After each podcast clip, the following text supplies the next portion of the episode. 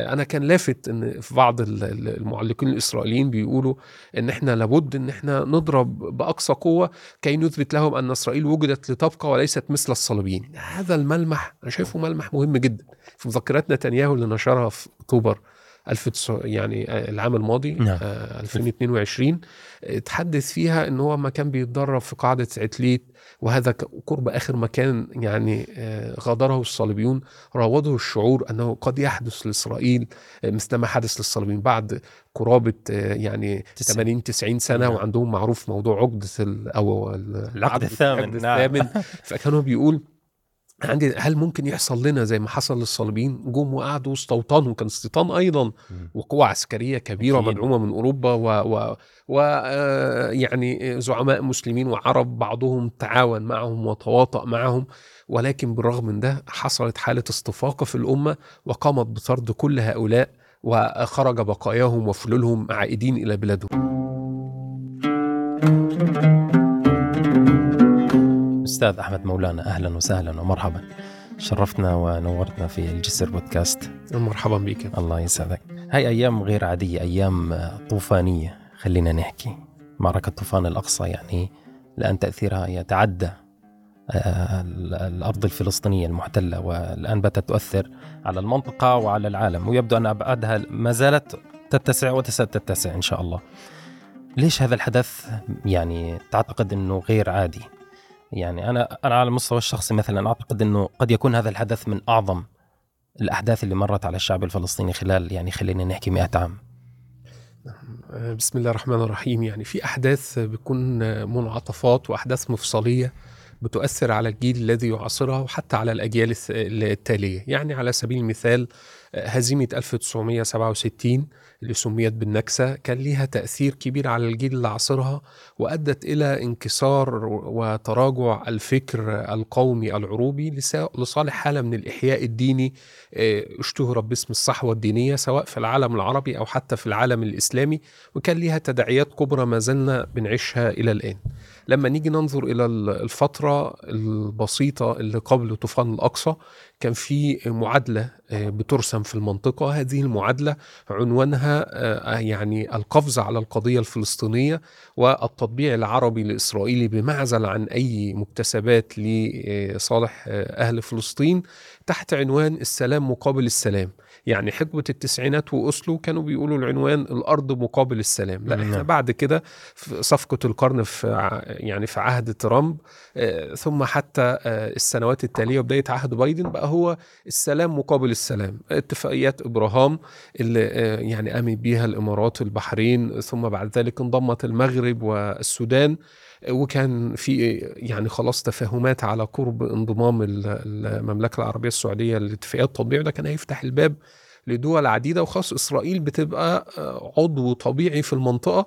بيتم التحالف معها ضد أطراف أخرى. بغض النظر عن أي مكتسبات بتقدم للقضية الفلسطينية أو أهلنا في فلسطين لا ده بقى شيء يعني آه، بيغض عنه الطرف. فبالتالي آه، إن إسرائيل تبقى عضو طبيعي وإن يبقى في تدريبات عسكرية معاها ويبقى في ملحقين عسكريين لها في دول عربية وإن يبقى في شراكات اقتصادية وصناديق استثمار مشتركة ده اللي كان بدأ يترسم في المنطقة. فجاء الطوفان الأقصى لتكسح هذه الأفكار وهذه المفاهيم وتحيي فكر المقاومة وتثبت القدرة على الفعل أن الإنسان الفلسطيني العربي المسلم قادر على الفعل وقادر على التأثير وقادر على هزيمة هذه الدولة التي كان يراد لها أنها تبقى شرطي المنطقة وأنها تبقى رأس جسر النظام الأمني الجديد اللي بيعاد رسمه في الشرق الأوسط مع تخفيف البصمة العسكرية الأمريكية وانشغال بالصين وكده. كان خلاص قرار أن إسرائيل تبقى هي كبيرة المنطقة بتحالف مع دول عربية أخرى. لذلك تم نقلها من القيادة الأوروبية الأمريكية إلى القيادة المركزية الأمريكية عشان يبقى في شراكات وفي تدريبات مشتركة وفي نظام دفاع صاروخي كان بيدرس أنه يتعمل إقليمي واحد وإن كل الأطراف اللي بتتكلم بقى عن فلسطين أو المقاومة دي بيتم تجريمها وبيتم آه، تحييدها. آه، نعم تحقيق وبيتم التضييق عليها بغرض خنقها وصولا إلى ما أعلنه بايدن قبيل أيام من آه، الطوفان. من ممر جديد ينافس أو يعني يقوض الطريق الحريري الصيني الصين. يبقى يأتي من الهند إلى الخليج إلى ميناء حيفا ثم بعد ذلك إلى البحر المتوسط أوروبا وغيرها. وده كان بيدشن لحقبة جديدة من الشراكات ال- الاقتصادية تتوج الشراكات والتعاون العسكري والأمني والسياسي اللي كان بيتم. فهنا الطوفان جاء ليفسد هذه الخريطة التي أريد رسمها لذلك نشوف بايدن للمرة الأولى رئيس أمريكي هو قال أنا أول رئيس أمريكي يزور إسرائيل في حالة حرب طب ده ليه؟ إسرائيل خاضت حروب كثيرة بما فيها. حرب 1973 اللي كان في بدايتها في شعور بالفزع والقلق طب ولكن لم يأتي رئيس أمريكي لزيارة. إسرائيل النهارده في جسر جوي مفتوح مجموعتين حاملات طائرات إحداها بتضم إحدى أكبر حاملات الطائرات الأمريكية. سفينة آه، آه، غواصة بتضم يعني آه، فوق ال 160 صاروخ توماهوك غواصة نووية ترسل للمنطقة آه، في بعض التقديرات عن قرابة 50 سفينة حربية من الدول الأوروبية بخلاف الأمريكية موجودة في البحر المتوسط حاليا آه، في البعض بيقول هذا لم تشهده المنطقة من عام 1945 لماذا هم شعروا أن هذا الطوفان يمثل تهديد وجودي للمشروع الصهيوني؟ ومصالح الغرب نعم ومصالح مصالح. الغرب المرتبطة بهذا المشروع. لذلك آه، يعني تتابعوا آه، بدءا من بايدن يأتي ويحضر مجلس الحرب آه، الذي شكله نتنياهو رئيس الوزراء البريطاني الرئيس الفرنسي رئيس الوزراء الإيطالية وغيرهم وغيرهم الكثير من المسؤولين لشعورهم بأن هذا الطوفان يعيد رسم المعادلات في المنطقة ويمثل حالة إحياء للفعل الفلسطيني العربي الإسلامي. نعم. آه، أنا كان لافت إن في بعض ال- ال- المعلقين الإسرائيليين بيقولوا إن إحنا لابد إن إحنا نضرب بأقصى قوة كي نثبت لهم أن إسرائيل وجدت لتبقى وليست مثل الصليبيين. هذا الملمح أنا شايفه ملمح مهم جدا. في مذكرات نتنياهو اللي نشرها في أكتوبر 1900 يعني آه، العام الماضي نعم. آه، 2022 آه، تحدث فيها إن هو ما كان بيتدرب في قاعدة عتليت وهذا قرب آخر مكان يعني آه، غادره الصليبيون راوده الشعور أنه قد يحدث لإسرائيل آه، مثل ما حدث للصليبيين بعد قرابة آه، يعني تسعين. 80 90 سنة نعم. وعندهم معروف موضوع أو ال- العقد الثامن، نعم. الثامن فكان هو بيقول عندي هل ممكن يحصل لنا زي ما حصل للصليبيين؟ جم وقعدوا واستوطنوا كان استيطان أيضا وقوة عسكرية كبيرة. مدعومة من أوروبا و, و, و آه، يعني زعماء مسلمين وعرب بعضهم تعاون معهم وتواطأ معهم. ولكن بالرغم من ده حصلت حالة استفاقة في الأمة وقامت بطرد كل هؤلاء وخرج بقاياهم وفلولهم عائدين إلى بلادهم. فهذا التهديد هم يشعرون أنه أن الأمر يعاد مجددا وأن هذه قد تكون بداية لحالة صحوة في العالم العربي والإسلامي. آه، ما حدث قد يكون النموذج الأول أو الضربة الأولى وأن هناك حالة إحياء ستحدث هذه الضربة. لما بتقول المسلم هذا ال- اللي كان بيتفرغ خارج المعادلة لا هو قادر على إعادة رسم المشهد. نعم. طيب لو نظرنا يعني للأمر من ناحية أمنية وأنت باحث في الدراسات الأمنية طبعا كيان الاحتلال هو قائم يعني على مجموعة من النظريات خصوصا نظرية الأمن آه، الإسرائيلية اللي انبثقت من أطروحات زئيف آه، آه، جبتوتنسكي اللي هي نشرها في في مقالتين الجدار الحديدي وما تبعها من نظريات أمنية تطورت وتشكلت بعد عام 48 جز العشب وكي الوعي وما إلى ذلك.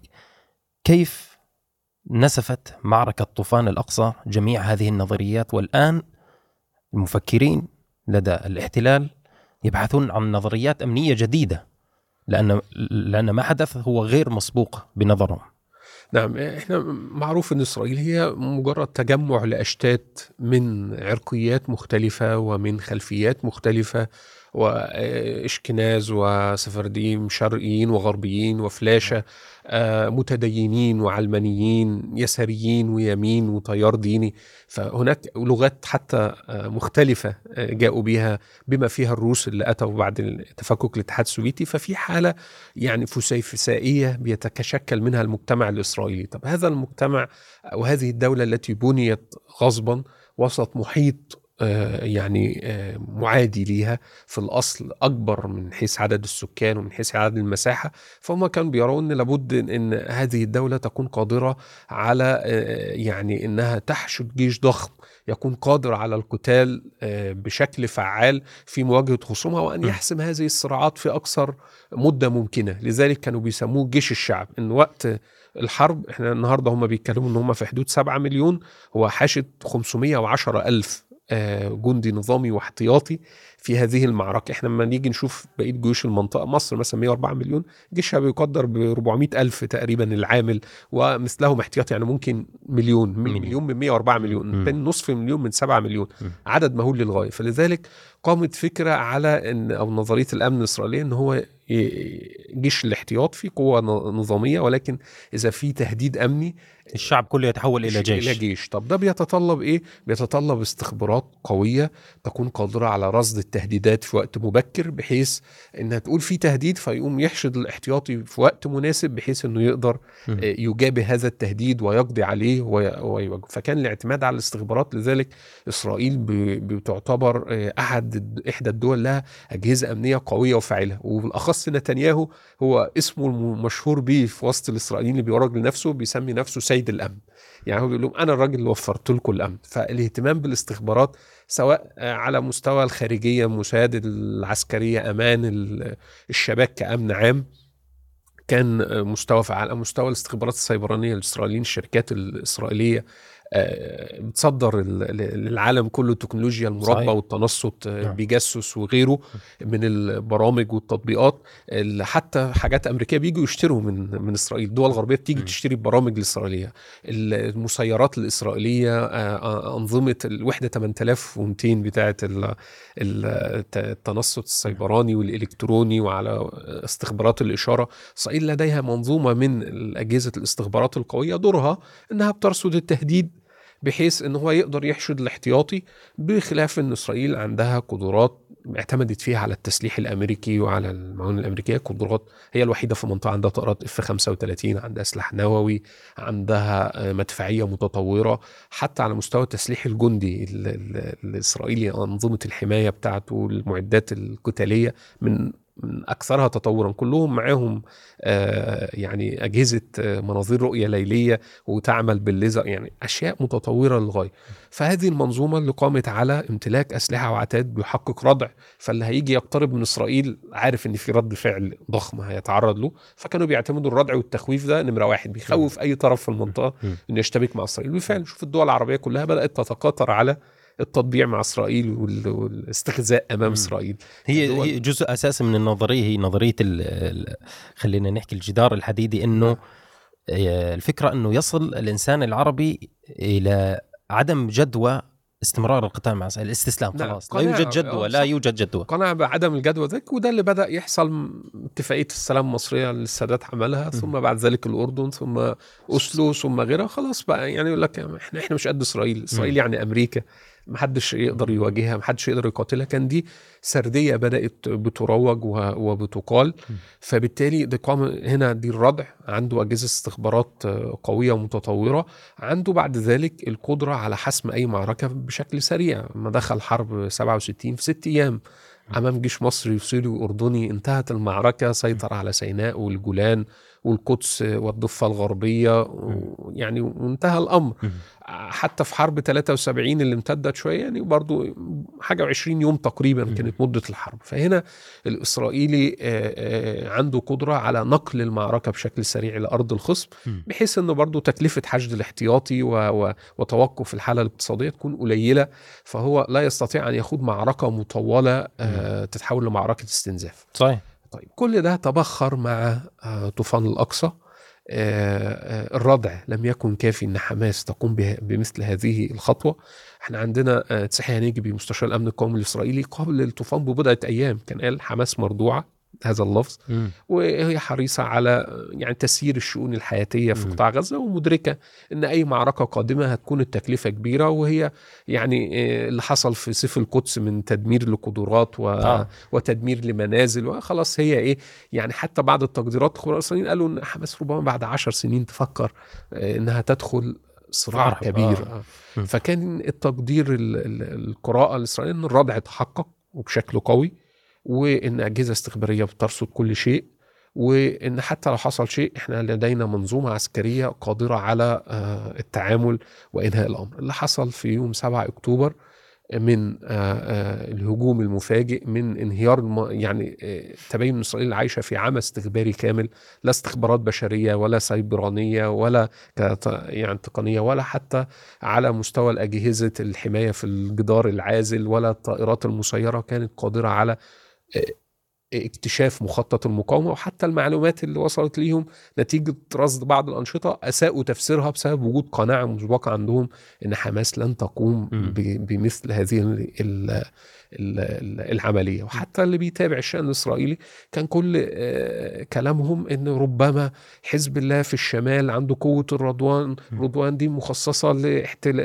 يعني السيطرة على مستوطنات في الجليل. ويعملوا تدريبات ويعملوا تدريبات في قبرص واليونان يوصل بيئة شبيهة لبيئه لبنان لأن التوقع كله إنه ممكن تحصل أزمة مع إيران فالحزب يشن هجوم من. الشمال لم يكن هناك أي تخيل أو تصور أو استعداد أو تدريب على حدوث شيء زي ده. هم اعتمدوا. إن في جانب تقني موجود الجدار العازل وإن هم مسيطرين ناريا واستخباريا على الأجواء الفلسطينية ولن يحدث شيء.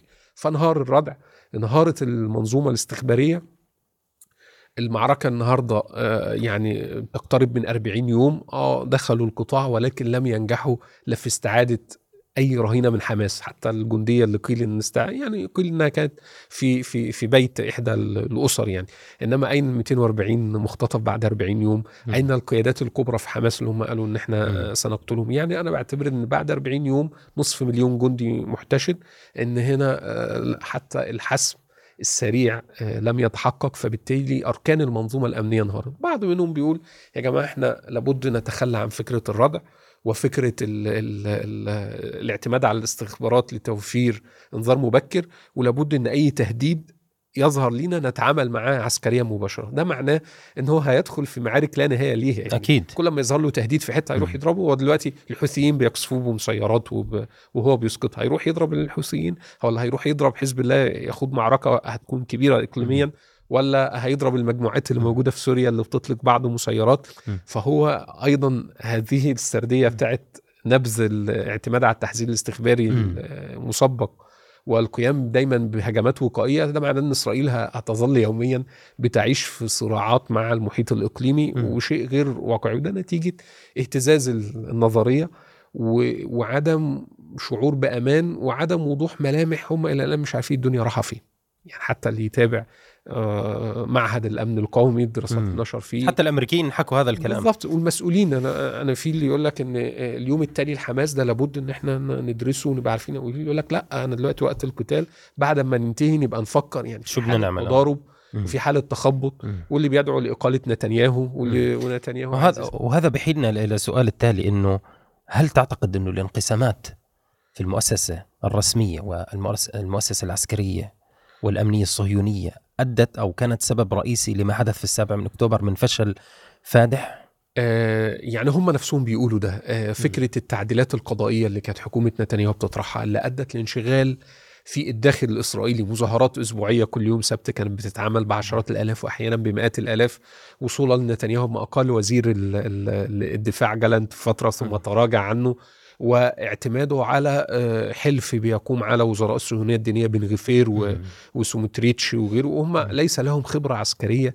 ولا خبرة أمنية ما حدش منهم آه، خدم في مؤسسة عسكرية أو أمنية واحد يمسكه وزير أمن قومي ويعمل له مالية. آه، آه منظومة يدي له إنشاء حرس وطني وهو يبقى مشرف عليه هو ليس ده أي خبرة والتاني سومتريتش مش مجرد وزير مالية. عينه أيضا وزير دولة في وزارة الدفاع. وأشرف على ملفات خاصة في الاستيطان وغيرها في الضفة الغربية وهنا كان في تحذيرات من الأجهزة الأمنية أنت بتعمل حرس آه، يعني أو آه، حرس وطني يتبع وزارة أمن قومي ده يعني آه، هيؤدي ميليشيا. لتشتيت. مين اللي مين م. اللي هيديره؟ مم. طيب والتاني وزير ال- ال- الدولة داخل وزارة الدفاع كان في تضارب بينه وبين جالنت ده يقول لك هن هنحول أموال للسلطة. جالنت يجي ده يقول لك لا إحنا لازم مش هنحولها هنقتطع منها. آه بن غفير يطلع بقرارات للتعامل مع الاسرى في السجون الزيارة بدل مرة في الشهر تبقى مرتين. منع المخابز. آه الأجهزة الأمنية تقول لا. فكان في حالة خلافات داخلية بارزة. حتى رأينا إن الولايات المتحدة وبايدن كان بيدعم فيها الم- المعارضة. المعارضة. صحيح. ورفض إنه يستقبل نتنياهو. أو يرد على اتصالاته. آه يعني نتنياهو لم يزل. البيت الأبيض منذ تولى ال ال ال الحكومة الأخيرة. مم. فكان في حالة من الحالات الداخلية. بدأ جنود الاحتياط يمتنعوا عن الخدمة. آه، حتى قيل إن نتنياهو رفض لقاء آه، آه، آه، هرتسي هليفي رئيس الأركان لما كان عايز يرفع له يعني يقعد معاه ويشرح له طبيعة الإشكال الموجود داخل المؤسسة العسكرية هذا التشظي الداخلي والخلافات واللي حصل في بعض الأماكن راينا عمليات يعني مشاحنات وصدم بسيارات لمتظاهرين هذا ال هذا ال الخلاف الداخلي في الدولة بين مكونات متنوعة فيها كل واحد منها يريد أن يرسم صورة معينة هنحطها بعنوانين رئيسيين اليسار واليمين أو بقى اليهود الشرقيين والغربيين أو اللي عايز إطار ديني أكثر للدولة أو اليسار الأكثر علمانية كل ده كان عامل حالة من حالات الإشغال للمؤسسة الأمنية وللداخل الإسرائيلي وللصراع سياسي واستقطاب اجتماعي بدون شك كان له قدر من الإضعاف. فانا ظني إن مجيء بايدن وحضوره مجلس الحرب. ومجيء بلينكن هو جزء منه لتثبيت هذا الكيان اللي حاسه إنه بيهتز. مذعور. وإن في تشققات داخلية. أنت أكيد. ما تقدرش مجتمع متشقق داخليا متنازع. أفراده كلهم بيطعنوا في بعض. آه، كلهم بيخونوا بعض. يعني نعم. يعني يعني في تخوين كان أعضاء في الصهيونية الدينية بيشتموا أعضاء في اليسار بيدعوا لحبسهم نتنياهو راح جمعية الأمم المتحدة ال- حضورها الأخيرة في مظاهرات كانت من اليهود اليسار الإسرائيليين على باب اليساريين منزله. ضده نعم. نعم وهم قالوا إن دول بيعملوا زي النازيين بعض أعضاء الليكود والصهيونية الدينية يتهموهم إن دول بي يعني بيستهدفونا زي النازيين فكان في حالة تشظي داخلي كبيرة جدا ده أتاح لكافة الأطراف ال- المقاومه لإسرائيل إن في مساحة انشغال إن هم منشغلين. بمعاركهم الداخلية أكثر من انشغالهم بيك. وظني إن يعني هذا التفكك والتشظي لم ينتهي في في المعركة. هم دلوقتي بيتحدوا ويقول لك إحنا آه، دلوقتي عايزين ننتهي من رد الفعل. مجرد ما هيحصل وقف إطلاق نار في مرحلة من المراحل ستكون يعني مطاحن سياسية في الداخل الإسرائيلي نتنياهو توماس فريدمان من أول امبارح نشر مقال بيقول فيه صحيح إن عدد من المحللين الإسرائيليين قالوا إن نتنياهو يريد أن يطيل أمد الحرب خوفا من أن يحاسب من حدوث احتجاجات يحمي ضده نفسه. وحتى بيقولوا هم متخوفين إنه ممكن يجرنا للصراع مع إيران عشان كأمريكا. يفضل موجود مم، نعم. كأمريكا نعم نعم فهو آه، نتنياهو يدرك النهارده وعنده 74 سنة تقريبا آه، إذا طلع بعد 7 أكتوبر من الحكومة لن يعود لها مجددا. وهو الأطول آه،. يعني عهدا في رئاسة الوزراء فبالتالي آه، هو لديه استعداد إنه يقلب. الترابيزة كي يستمر والآخرين فرصتهم التاريخية إن هم يتخلصوا منه مرة واحدة للأبد زي ما. بيقولوا على المقاومة يعني. أنت قبل قليل ذكرت نقطة إنه قرأت أنت مذكرات نتنياهو قرأت عن سيرته يعني إذا أردنا أن نفهم كيف يفكر هذا الرجل لو أردنا الدخول إلى عقله نعم. كيف يفكر كيف يتصرف وكيف يدير المشهد نعم هو آه، طبعا النقطة الأولى يعني للتوضيح فقط أن نتنياهو كاتب مذكرات بنفس دعائي هو كان عاملها قبل انتخابات الكنيسة. الأخيرة فهو قدمها بصورة دعائية يجمل فيها نفسه فهو أكيد آه ليس بعد خروجه من المشهد فبيقول الدروس. لا هو كل اللي بيذكره فيه بيذكر إيجابياته وبيهاجم خصومه ولكن بين السطور وبين ثناياها في بعض الأشياء المفيدة. آه، أنا في يعني في ظني إن في آه، ثلاثة أمور منها أساسية. منها هو ما يمكن أن نصفه الفكر الحركي له. ونتنياهو بيقول يعني أنت أحيانا بيكون آه، إذا عندك يعني شيء عايز تتعامل معاه. هو بيقول البعض بيرى إن لابد تستعد وتعمل تصور كامل. هو بيتبنى مدرسة إن أنت حدد مسارك وتوجهك وامشي فيه. وكمل تصورك ومخططك على الطريق. الوقت و... وعدل من أخطائك وطور. آه، أنا شايف إسقاط ده على الواقع في الحملة الحالية هي دخوله لغزة بدون مشروع هدف سياسي موجود. هو بيطرح هدف عسكري تصفية حماس. طب مين اللي هيدير القطاع؟ هو لا يجيب. وبيقولوا الأمريكان ما عندناش. هل قوة دولية؟ لا قوة عربية. لا السلطة الفلسطينية. لا السلطة هتكون غير قادرة. مم. لا إحنا هنفضل موجودين. لا إحنا هنخش وننسحب وملناش دعوة. كل دي تصريحات بتطلع من وزير الخارجية الإسرائيلي ورئيس مجلس ورفع القومي سقف. الأهداف كمان في نفس نعم. الوقت يعني بشكل كبير جدا. يعني هذا كمان أوقع في أزمة. الآن هو طلع الشجرة ومش عارف كيف بده ينزل. نعم. لأنه لا وقف الصواريخ على المدن والمستوطنات توقف. نعم. ولا تم ضرب مقو... يعني قدرة قدرات المقاومة ولا- ولا ضعافها. ولا تم مثلا آه، تصفية قيادات المقاومة. ولا كم ولا تم تحرير يعني إحنا عدينا ال 40 يوم ولا تم تحرير آه، أسير واحد يعني من نعم. غزة. فبالتالي هو آه، بيعمل وفق النمط اللي أشار له في مذكراته. أنت حدد المسار. هنخش غزة. هنحاول نقضي على قدرات المقاومة نقضي على حكومتها. وبعد كده آه، هو كان بيقول أهداف يعني إيه، عدل أخطائك وأنت شغال آه، طور تصورك وأنت شغال. فهو ده النمط اللي هو بيشتغل بيه. ده ممكن يبقى صحيح في الإطار الحركي والعملي بشكل عام بس في الصراعات بهذا المستوى دون وجود هدف سياسي معين يعني آه، آه، بيؤدي لحالة من حالات الضبابية. ما- أنت في النهاية العمل العسكري لابد يخدم على هدف سياسي. فهو بالتالي متى ستتوقف؟ ما- إيه هي النقطة اللي ممكن نقول عندها؟ إنه ممكن يقول إن هو اكتفى وممكن يعمل وقف اطلاق نار طب في ضغوط أمريكية طب في ضغوط ميدانية طب في ضغوط من أهالي ال- الأسرى الإسرائيليين. دي كلها بتفتح مساحة للتخبط والنزاعات الداخلية والاختلافات الداخلية لذلك أنا أذكر إن اظنه كان ساحي هنجبي مستشار مائير بن شبات مستشار الأمن القومي السابق عبد مم. الساحي هنجبي. بيتكلم إن إن فكرة ال ال اليوم التالي لغزة لو طرحناها دلوقتي هتؤدي لخلافات بيننا فتعالوا نأجلها لغاية ما نحقق. هدفنا العسكري آه. وطبعا ده في ضغوط أمريكية وكذا رفضها. الأمر الثاني اللي نتنياهو آه، اتكلم فيه كان ذكره كنموذج لما كان وزير مالية في عهد آه، شارون كان شارون رئيس وزراء وهو كان بيتكلم إن كان في تعديل قانوني عايزين يعملوه والاستدروت والنقابات هتعمل إضرابات وكده. فقال أحد المستشارين بتوعه قال له ما كان في حزمة من التعديلات. قال له طب هم طالما هيعملوا احتجاجات وكده طيب ليه كل ما نعمل تعديل يعمل؟ فتيجي تعالى ما نعمل ال ال التعديلات كلها مرة واحدة. فيعملوا التظاهرات وبعد كده إيه نبقى خلصنا إيه وفرضنا أمر واقع. مم. أنا شايف إن دي ممكن رغم إن في ضغوط أمريكية ممكن تدفع معاه لفكرة إنه توسيع الحرب للبنان بمعنى إن هو دلوقتي آه، أيضا بعض الأصوات العسكرية من لواءات سابقين أو جنرالات سابقين بيتكلموا أنت النهارده عندك حالة غضب محلي من 7 أكتوبر في الواقع الإسرائيلي حاشد 510 ألف جندي 169 ألف نظامي و الجبهة الجنوبية. 300 ألف 350 ألف احتياط عندك أساطيل أمريكية وغربية موجودة في المنطقة مجموعتين حاملتين طائرات. عندك ضوء أخضر أمريكي غير مسبوق في أي صراع خاضته إسرائيل. فبيقولوا طب يا جماعة إحنا نوظف ده إحنا مش مش هنقدر تاني المستوطنين يرجعوا إلى ال- ال- المستوطنات على الحدود مع لبنان. في ظل وجود الحزب في ظل القصف ده هيبقى في تخوف إن ما حدث في غزة ممكن في وقت من الأوقات يحدث يح- يحصل من لبنان. فبيقولوا ان دي فرصة تاريخية لتوجيه ضربة للحزب. حتى نيويورك تايمز كانت أشارت إن جالنت في بداية الأحداث كان بيقول إحنا مش هن لن نذهب لغزة. نبدأ بالحزب الأول بعد كده غزة تبقى. مرحلة تالية. ولكن قالوا الأمريكان ووزير الدفاع الأمريكي وبايدن ضغطوا عليهم إن ده مرفوض لأن أمريكا لها حسبه أخرى وأمريكا لا تريد معركة إقليمية ولا صراع إقليمي. فبالتالي هي تضغط. ولكن آه، آه، زي ما توماس فريدمان قال نتنياهو ممكن يورطهم في الآخر. يعني إذا إذا استشعر بخطر على مستقبله السياسي وفي ضغوط من القيادات العسكرية فقد يكون ال- ال- ال- الحرب مع لبنان فرصة لإيماء يعني لإطالة عمره السياسي وإن هو يحاول يخرج بإنجاز يعني هو ممكن يهيئ له إنه إذا خرج بإنجاز بين قوسين يعني هو عايز يقوله. القضاء على حماس وحزب الله إنه يقول لك إن الهزيمة اللي تعرضنا ليها في 7 أكتوبر حولتها لنصر استراتيجي زي ما هم بس- بيقولوا بس إن 6 واقعيا أكتوبر. آه، بس واقعيا هذا يعني. هل هل تحتمل هل يحتمل كيان الاحتلال يعني الانفتاح على فتح جبهة جديدة؟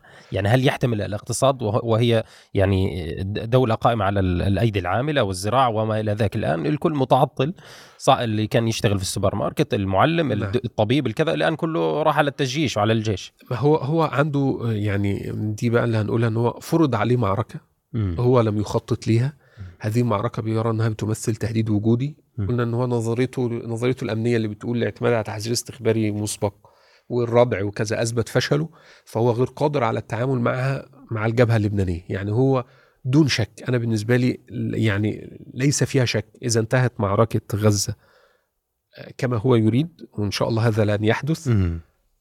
آه، الدور قادم على- لبنان آه، مسألة أو وقت. لبنان مس- مسألة وقت مم.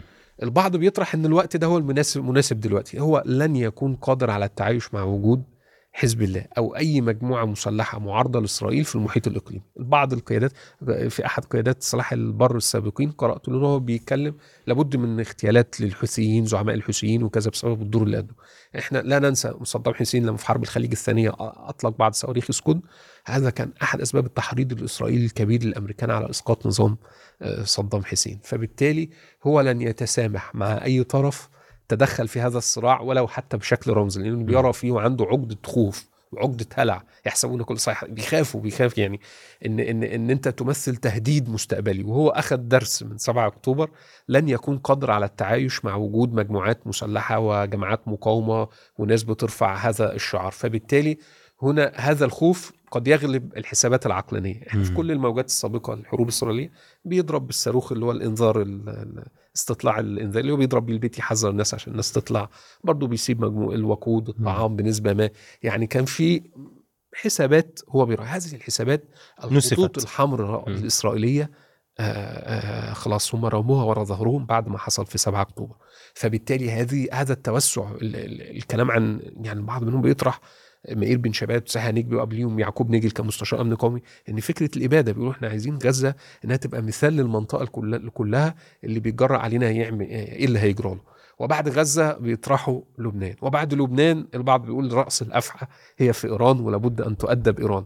فالحسبه اللي هي العقلانية الهادئة اللي هم كانوا بيحسبوا بيها دي كانت موجودة. ولكن إحنا دلوقتي في نمط الثور الهائج اللي بيشعر بتهديد وجودي اللي, اللي, عدد منهم بيقول إن يعني جانتس و آه ونتنياهو في تصريحات ويرتزوك الرئيس بيتكلموا إن حرب استقلال ثانية وإن إحنا بنعيش تهديد وجودي.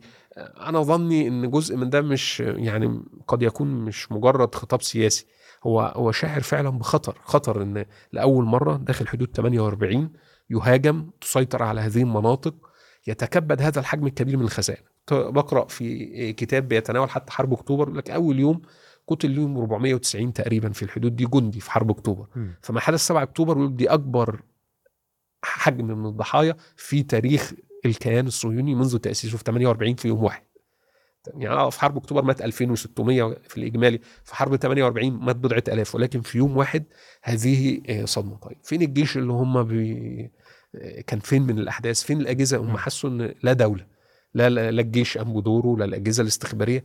فهنا أصبح في آه، شعور بتهديد وجودي كل واحد منهم عنده باسبور فرنساوي باسبور بريطاني باسبور أمريكي. وفعلا ساعة فعلا بدأت الهجرة العكسية نعم. يروح يقعد في إيه اللي قعده في منطقة هو يشعر بها بتهديد. فجأة بيطلع له ناس يجوا يهاجموه.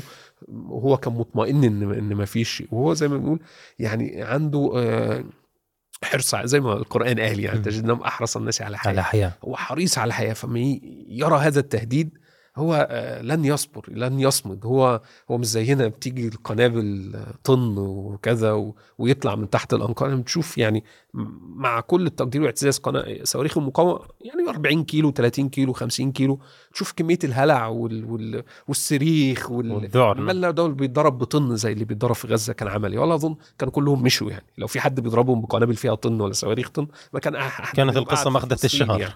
فهم آه، ده عامل موجود. فبالتالي بيدفعوا لتصرفات خارج الإطار العقلاني اللي كان عايش بيه. أي حد عنده بيشعر بتهديد وجودي بتبدأ لذلك بايدن لما جه قال لهم إحنا عايزينكم تتعلموا من أخطائنا بعد أحداث سبتمبر أخطائنا اللي حصل في العراق وأفغانستان. الأمريكي برضه على سبتمبر يعني طاح في في العالم وطاح وفي الآخر آه، هو اللي شعر انه هي النقطة هاي راح نجي لها. طيب إذا إذا انتقلنا إلى آه، جبهة المقاومة. نعم.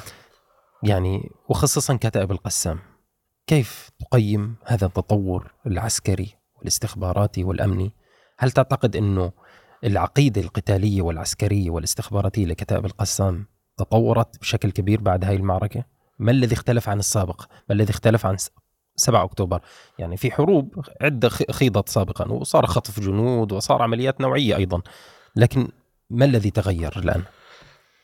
يعني للمتابع بشكل عام وليس المنخرط في التفاصيل واللي عنده اطلاع أنا هقرأ المشهد من 87 إلى إلى 2023 نعم. لما بدأ هذا المسار المقاوم بسكاكين ومسدسات وبعض بنادق آلية ثم ظل يتطور تدريجيا كل معركة خاضتها كتائب القسام من بعد الحسم العسكري في غزة كان أدائها بيتطور فيها أفضل من المرة السابقة وقدراتها العسكرية بتظهر فيها تسليح وتصنيع محلي وعمل أمني وعمل عسكري أفضل من السابق.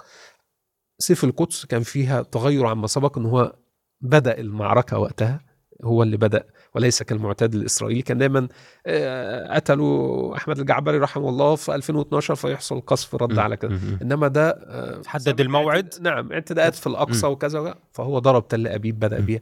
كان دي فيها زمام مبادرة أخذوا. إنما اللي حصل في آه، بقى 7 أكتوبر وطبعا بيدل على وجود قيادة وسيطرة. يعني يعني منظومة قيادة وسيطرة إنها قادرة على القيام بهذا العمل اللي, اللي بيعتبروه يعني بيسموه العمل العسكري مشترك. يعني هو مش واحد راح فجر أو مجموعة ضربت ده آه، في قصف صاروخي تزامن معاه آه، أفراد بالمظلات تزامن معاه عمليات إبرار آه، بحري ومحاولة للهجوم على زكيم وغيرها. وبعد ذلك أو بالتزامن معاه اجتياز للجدار فهنا القدرة على إدارة عمليات مشتركة بهذا الشكل بتدل على منظومة قيادة وسيطرة قوية للغاية.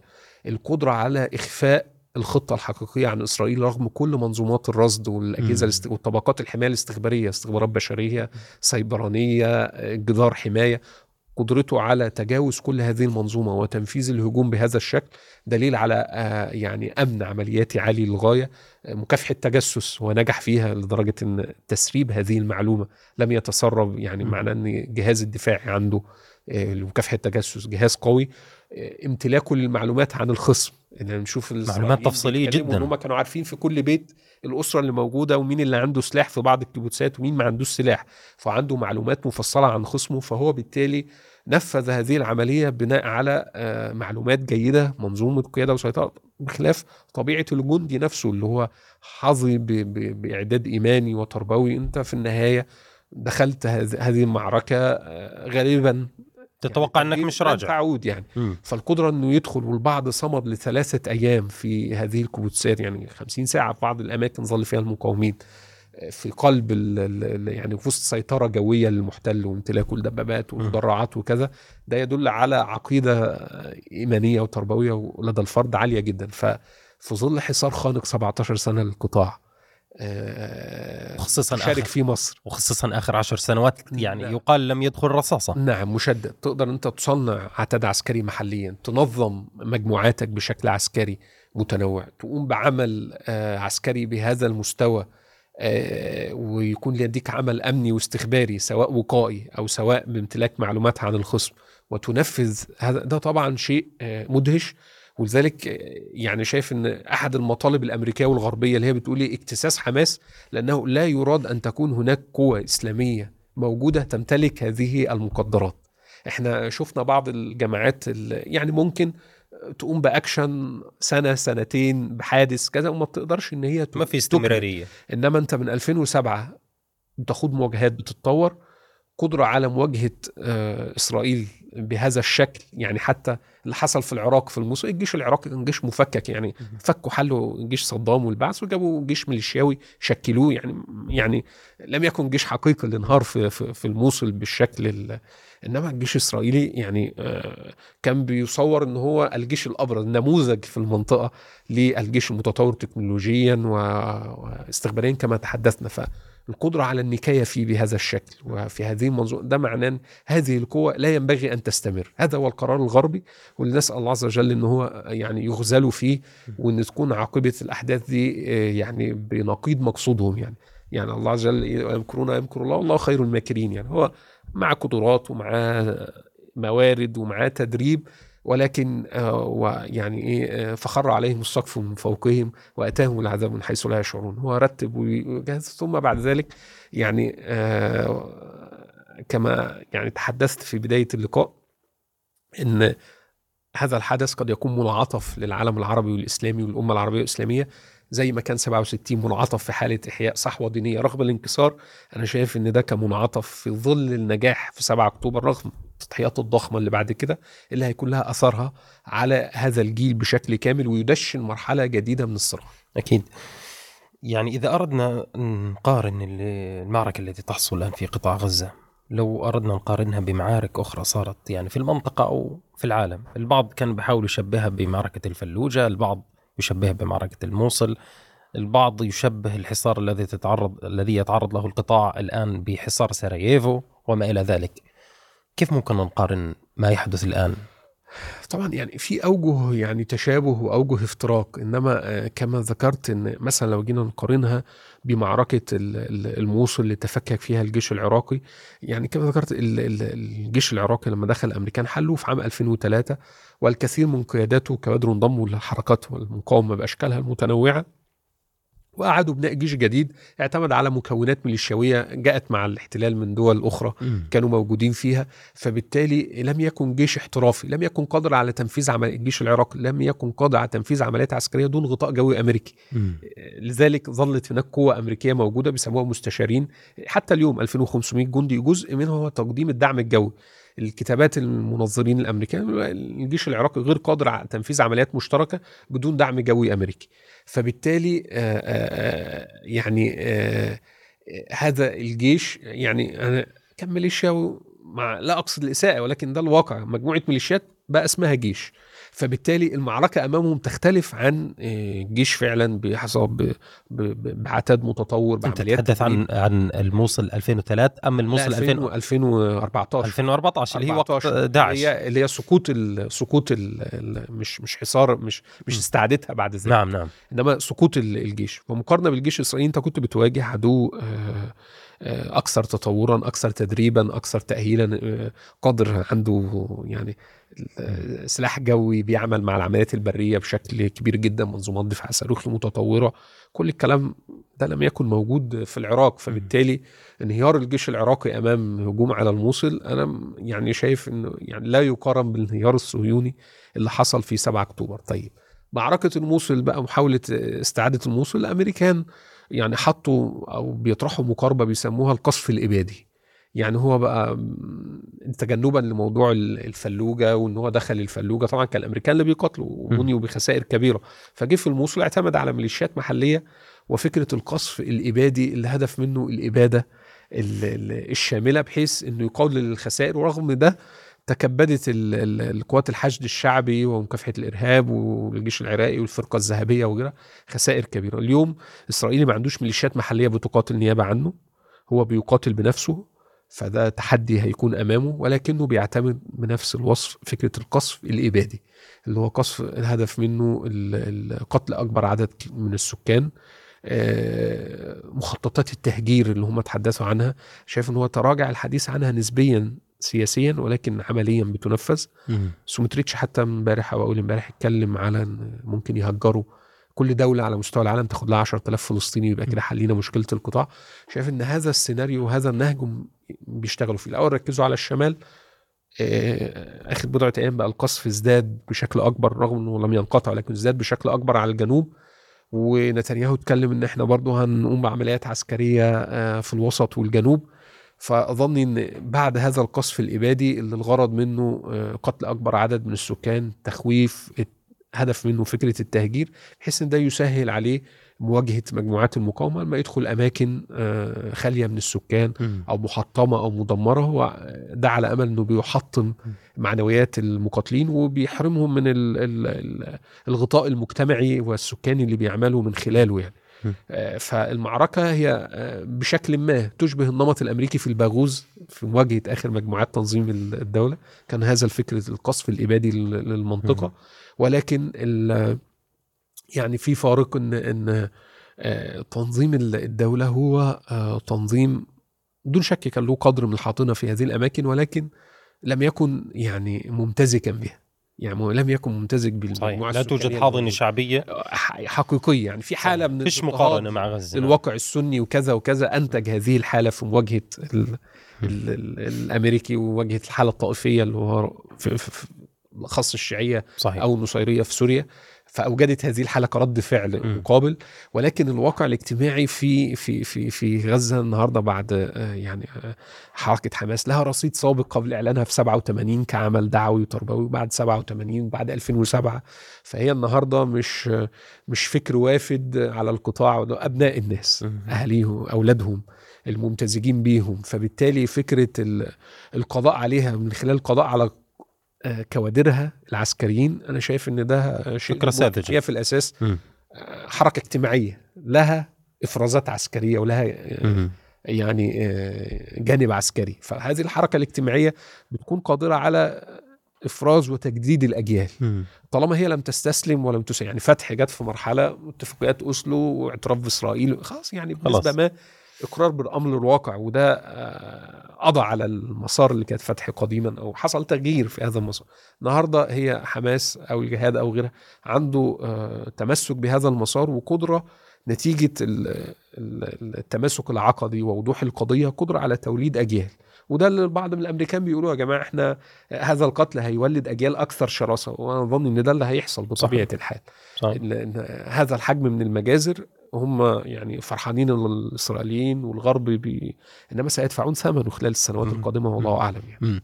أنا هون كنت بدي أسألك لما ذكرت آه، اللي هو النموذج اللي صار في الموصل وين ممكن نشوف أو نجد البصمات الأمريكية في هاي الحرب في, هاي في هذا العدوان على غزة وين ممكن نلمسه آه، يعني لو هنقول في الإطار الأوسع الأمريكان فكرة القوات اللي بعتوها في المنطقة لردع الأطراف الأخرى دون شك كانت حاضرة في حزبة الأطراف الأخرى يعني في حزبة حزب الله في حزبة الإيراني لولا هذا التدخل الأمريكي بهذا الشكل أظن انه ممكن تدخلهم قد ربما قد يكون أكبر إنما الأمريكي بيحاول إنه يثبت بقية الأطراف الموجودة إن مم. أي تدخل إحنا هيكون رد فعلنا أكبر مم. إسرائيل في ظل المعركة اللي تحتاج ده بشكل حقيقي إسرائيل لن تكون قادرة بمفردها في ظل الاهتزازه والصدمة اللي مرت بيها إنها تخوض معركة على جبهتين. تشعر كأنه الأمريكيين ثب- بيثبتوه بثبتوا يعني. رجليهم لأنه مش قادر يوقف على رجليه. بالظبط فجه وجاب له آه، آه، جنرال قالوا ده المسؤول عن معركة استعادة الموصل لحسابهم. إنه قعد فترة ومشى يعني. القوات آه، 2000 من القوات الخاصة قالوا استشاريين آه، عملية ال- الرصد الاستخباري من الجو مم. والطيارات المسيرة الأمريكان أعلنوها. في محاولة الوصول لمعلومات عن. الأسرى والمحتجزين واظن توسع العملية البرية بتشعر إنها أيضا بخطط أمريكية أو في بصمة أمريكية موجودة فيها لا هو نمط إسرائيلي أكثر منه أمريكي يعني. حتى الخبراء الإسرائيليين يعني كان ليهم تصريحات قالوا إحنا لو مشينا ورا الأمريكان كانت هتبقى خسائرنا أكبر يعني إسرائيل. حاليا آه، هو بيدخل يعني غير حريص على الاجتياح الواسع هو بيدخل منطقة ومتخوف. من حدوث عمليات مضادة فيها بسبب الأنفاق وكذا فبيدخل منطقة بشكل بطيء وبين كمصطلح عسكري بيسموه بيحاول يطهرها يعقمها مم. بهذا المس... اللي هو قصده إنه يكتشف الأنفاق وي... وي... ويأمن نفسه وبعد ما ياخدها بياخد خطوة لذلك هو بيتقدم ببطء هذا جزء منه نتيجة فعل المقاومة جزء منه نتيجة تخوف عنده من وجود فخاخ وكمائن و... وبالفعل و- وقع في فخاخ. وقع في أشياء. إنما هو لو دخل انطلاقة واسعة خطوط إمداده ومجموعاته كانت هي تتضرب كانت بشكل نظر أمريكية أمنية. الأمريكان كان عايزين عملية آه، سريعة وخاطفة ويبقى مداها الزمني قليل عشان تداعيات ال- على الواقع متوقعين تبقى أقل. نعم. وتعتمد على حاجتين. الأمريكان طرحوا فكرة القصف الجوي وعلى عمليات القوات الخاصة. و- و- وإن ما يبقاش فيه آه، يعني مناورة برية موسعة لأن ده هيكون ضحاياها آه، كثر وممكن تقلب وتشعل المنطقة وتوسع الصراع. كان ده الغرض الأمريكي. إنما الإسرائيلي إلى الآن فكرة العمليات الخاصة ما شفناهاش. يعني الأمريكان دايما يجي غرى على فلان يمسكوه يقتلوه يعتقلوه. في أفغانستان في باكستان في العراق في سوريا. لا الإسرائيلي إلى الآن فكرة الغارات ال- بقوات خاصة قليلة. إنما هو بيعتمد على عملية برية بعد قصف جوي ومدفعي كبير بيتقدم بعد كده على المناطق اللي قصفت ويحاول إن هو يبحث فيها عن الأنفاق وي- وي- ويشوف لو. بعض البيوت المناطق إن هو يعني يفتشها وي- ويتفقدها. فالأمريكي المزيج اللي عامله هو قلنا القصف الجوي القوات الخاصة الاسرائيلي ما اعتمدش على ده اعتمد بقى شكل أكبر على المناورة البرية وعلى التقدم البري ولكن البطيء والمحسوب بالنسبة له خوفا من فخاخ وكمائن يتعرض ليه. إنما الدور وجهة نظر الدور الأكبر الغطاء السياسي اللي الأمريكي بيقدمه بدل آه طبعاً، أكيد. يقفوا. الإطار العسكري الأوسع في المنطقة من أساطيل ومن منظومات دفاع جوي بعتوا لهم وإن كان يعني في نظرة في نظرة وجه البعض إنه هذا معنوي أكثر من من إنه رأيك؟ يعني يعني يعني الخط الدعم الجسر العسكري لا ضخم ضخم أكيد لا بس. أقصد البوارج والحماية البوارج دي. الهدف أنا في ظني الهدف منها منع اتساع الحرب وليس خوض حرب يعني الأمريكي دلوقتي هو كان منشغل أو ترتيبه إن الصين ومنطقة المحيط الهندي ال- ال- ال Indo-Pacific دي إن هي التركيز فيها وكذلك عنده ملف أوكرانيا وكان في استراتيجيه الأمن القومي الأمريكي في طرحها في 2022 تخفيف البصمة العسكرية في المنطقة وإن إسرائيل تبقى هي في تحالف عربي إسرائيلي. وهي تكون شرطة يكون نظام- المنطقة آه نعم. نعم. وإن الأمريكي يقلل نسبيا وجوده ويوجه موارده وقدراته لأماكن تانية. اليوم لما حصل هذا الصراع هو يريد الأمريكي يريد ألا تتحول لحرب إقليمية. حرب إقليمية يعني هينخرط فيها بعشرات آلاف الجنود هيخصص موارد عسكرية يعني هتكون فرصة للروس والصينيين لدعم الأطراف الأخرى لاستنزافه في المنطقة وهو كده تبقى استراتيجيته اللي كان هتبقى بنيتها اتدمرت. اتدمرت. فهو يريد ألا يحدث ذلك. فهو بعت هذه القوات لمنع توسع الحرب وليس لزيادتها ولكن يظل خطر التوسع قائم. من بضعة أيام لما ال- الحزب آه، ضرب مجموعة من السيارات اسمها دوفيف ساكنه. وقيل إنه أصيب يعني قتل إسرائيلي أصيب بضع حاجة و20 إسرائيلي. اسرائيل ردوا بضرب آه، بعض غارات بالقرب من آه، صور وصيدا قيل على عمق 40 كيلو. مم. آه، في نفس اليوم آه، لويد أوستن وزير الدفاع الأمريكي اتصل بجالنت ونبهه وحذره إن إحنا لا نريد اتساع الحرب إلى لبنان وإن ليه الغارات اللي عملتوها في هذا العمق في لبنان وإحنا لا. فالأمريكي فعلا في تخوف حقيقي. إسرائيل قادرة زي ما هم بيقولوا إنها تحول لبنان للعصر الحجري وتدمر بيروت وتدمر نعم قادرة ولكن ده هي أيضا هتدفع الثمن والأمريكا هيدفع الثمن وإذا حصل ده في المنطقة هتبقى يعني القواعد الأمريكية في الخليج آه، مضيق مم. هرمز كله راح لنا. نعم. كله هتبقى المنطقة. والأمريكان ليهم تجربة في لبنان سابقة في 83 لما اتضرب مقر المارينز أكيد. قتل فيه 240 جندي والسفاره الأمريكية اتضربت. قبل ذلك في لبنان قتل فيها قرابة 18 أو كذا من. المسؤولين الأمريكان. الأمريكان ليهم تجارب في المنطقة مؤلمة. صحيح صحيح. فهو لا يريد هو كان بيقولوا يا جماعة الشرق الأوسط ده مستنقع. بيستنزفنا فيه والأكثر من ذلك والأهم من ذلك إنه يعني هاي يعني قد يعني لا تجد أكثر من روسيا والصين يعني فرحين بما طبعاً يحدث. فرصة. تاريخية. حتى بدايه الأيام قالوا إن في قذائف اللي هي 155 ملي بتاع المدفعيه والدول الاوكرانيه كان في الإعلام الإسرائيلي بيقولوا إن أمريكا بدأت آه، تعيدها مرة يعني مجددا. لإمداد إسرائيل بيها. آه، أوكرانيا آه، يعني زعلانة. زعلانة و... و... و... لا و... و- والقدرة على استمرار الدعم وكل لما المعركة لو المعركة اتسعت في المنطقة فعلا يعني مخازن السلاح لها حد. هتكون حرب إقليمية. آه، خارج الترتيب الغربي. يعني لم يكن أمريكا ولا إسرائيل تريد لهذه الحرب أن تحدث. قبل إنها تتسع قبل أصل هي حزب غلط. يعني الحزب مثلا يجي في مرة عمل عملية مثلا مات فيها سبعة ثمانية إسرائيلي مثلا مات دلوقتي عشرة بس مات واحد هنا اتنين هنا. إنما لو جه مات عدد كبير. جه إسرائيل عملت ضربة قتل عدد كبير من اللبنانيين. فهي آه، يعني إيه هو اللعب على حافة الهوية. يعني عض صابع غلطة واحدة ممكن تجر آه، يعني حالة من حالات ال- التصعيد اللي لا إيران عايزاها ولا أمريكا عايزاها ولا إسرائيل عايزاها ولا الحزب عايزها ولكن إحنا في واقع بيفرض نفسه على الجميع. طيب إذا نظرنا يعني إلى المعركة الحالية أه وتحدثنا أيضا عن آه، حروب الضعفاء أو حروب ال- العصابات. كيف كيف تعتقد إنه المعركة الحالية ستعيد تشكيل مفهوم هذا النوع من الحروب؟ يعني طبعا آه، ده محتاج لمزيد من المتخصصين في هذه المساحة بشكل أكبر.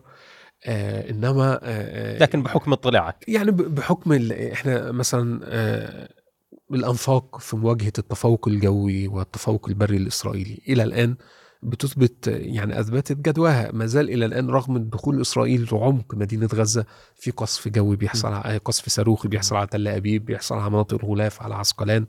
فكيف تدير مجموعة؟ آه، لا لا عندها طائرات ولا منظومة دفاع جوي حقيقية ولا مدرعات ولا دبابات إنها تخوض معركة بهذا الشكل لمدة 40 يوم تكون قادرة على مواصلة القصف تكون قادرة على التصنيع المحلي. إحنا ميركافا واللي هي فخر الصناعة العسكرية الإسرائيلية اللي بيقولوا عندها منظومة حماية نشطة اللي هي المفروض لو في- 360 درجة. آه كونكورس لو في يعني صواريخ موجهة إن هي تشتتها. إزاي ب- أنت قدرت تصنع هذا القاذف الصغير اللي هو الياسين المحاكاة للار بي جي بيقولوا فيه ثلاث يعني حشوات واحدة بتضرب الدرع واثنين تعمقه تؤدي إلى تعطيل وأحيانا تدمير آه، الدبابة فضلا عن المدرعات الإسرائيلية أو الجرافات الدي, دي آه، تسعة اللي بي يعني إزاي إن أنت قدرت إن أنت تصنع محليا منظومات أسلحة قادرة على مواجهة عتاد ثقيل أكثر تطورا. ده ده ده شيء طبعا هيكون له تداعيات على التجارب الشبيهة. إحنا عندنا في سوريا في, في العراق في اليمن يعني منطقة بتعيش أجواء شبيهة في أكثر. من مكان فالقدرة إن أنت تصنع محليا رغم حصار. يعني إحنا حتى زي ما يقول لك فيتنام كانت روسيا بتدعم الصين تدعم يعني في قوة كبرى كانت بتدعم. اليوم أنت محاصر تماما سجن غزه عبارة عن سجن. من 17 سنة. إزاي أنت قدرت إن أنت تصنع هذه العتاد محلي؟ وإن أنت تستخدمه وتوظفه وتنجح به في تدمير عتاد تكنولوجي متطور. تصنيع أمريكي وإسرائيلي. أظن إن ده آه، يعني آه، يعني شيء هيكون له تداعيات والمتخصصين بشكل أكبر سيدرسوا كيف تم ذلك. القدرة على العمل العسكري دون فقد منظومة القيادة والسيطرة يعني في ظل وجود الاحتلال والتنصت وقطع الاتصالات ونفاذ الوقود. إذا أنت قادر إنك تعمل رغم هذا الحصار لا وقود ولا طعام ولا كذا إذا أنت كمنظومة مقاومة قادر ان أنت تدير عملياتك وتدير عقدك القتالية وتدير مجموعاتك رغم خسائر بدون شك أكيد تحققت ورغم هذا القصف الجوي ظني ان إن جزء من ده عندما سيظهر للعلن لاحقا سيكون يعني آه، تستفاد تستفيد منه آه، يعني. آه، جهات أخرى. زي أنت قدرت تعمل منظومة دفاعية قادر بيها إن أنت تنهك وتستنزف العدو بعد 40 يوم أو قرابة ال 40 ظني إن ده هيكون جزء بارز. والأهم من ده كما ذكرت هي كان هجوم 7 أكتوبر. هي قدرتك على الفعل والتأثير. هنا مم. المعنى يصراع ارادات في النهاية. يعني في دول معاها فلوس معاها قدرات ولكنها بتستسلم يعني يعني ليس لها لديها إدارة إرادة أسف نعم. لقتال. إحنا رأينا آه، حوثيين أمام دول. ما يعني بشكل صريح الخليج والسعودية في النهاية مين الذي فرض إرادته؟ تمام؟ فهو فكرة إن دول وعندها مليارات وميزانية ب 80 مليار دولار وتسليح وتدريب أمريكي ومستشارين وفي النهاية لم تستطع أن آه، تلبي أو تحقق هدفها السياسي. فأنت حاليا بقدرات محدودة بأعداد محدودة بمواجهة عدو أكثر تطورا قدرت تعمل هذه المنظومة من التسليح والاستخبارات والإدارة والإعداد الفرد شايف إن ده كله مم. يعني تجربة ملهمة يم- في أماكن يمكن عديدة يمكن اللي, اللي تكشف لنا ولا العالم من من عملية طوفان الأقصى يمكن نقطة في بحر مما قد. يكشفه إحنا كل اللي المستقبل بنتكلم فيه ده في الحاجات اللي طلعت العلن إنما نعم. يمكن المستقبل حيكشف عن في وجوه النهاية بيكون في تفاصيل إحنا بنشوف اللقطة الأخيرة مم. يعني إحنا بنيجي نشوف واحد بيدمر دبابة وقذف إنما كيف تم التصميم والتصنيع كيف وصلنا لهي اللحظة المادة مم. التي شكلت منها كل ده طبعا مع وراه منظومة تصنيع و... مم. وكبيرة للغاية يعني ف... فإحنا إحنا بنعلق على اللقطة الأخيرة صحيح صحيح طيب خلينا ننتقل لمحور مهم وأساسي جدا في هذه الحرب محور مصر. نعم. كيف يمكن تشخيص حسابات حسابات النظام المصري في هذه الحرب؟ آه يعني في أكثر من زاوية يعني ال ال ال الزاوية الأولى هو تحدث عنها السيسي في لقائه مع في المؤتمر الصحفي مع مستشار المهني شولتز. في البداية لما اتكلم عن موضوع التهجير وعنده تخوف أمني ان إن الوجود الفلسطيني المكثف في مصر وبالأخص في سيناء.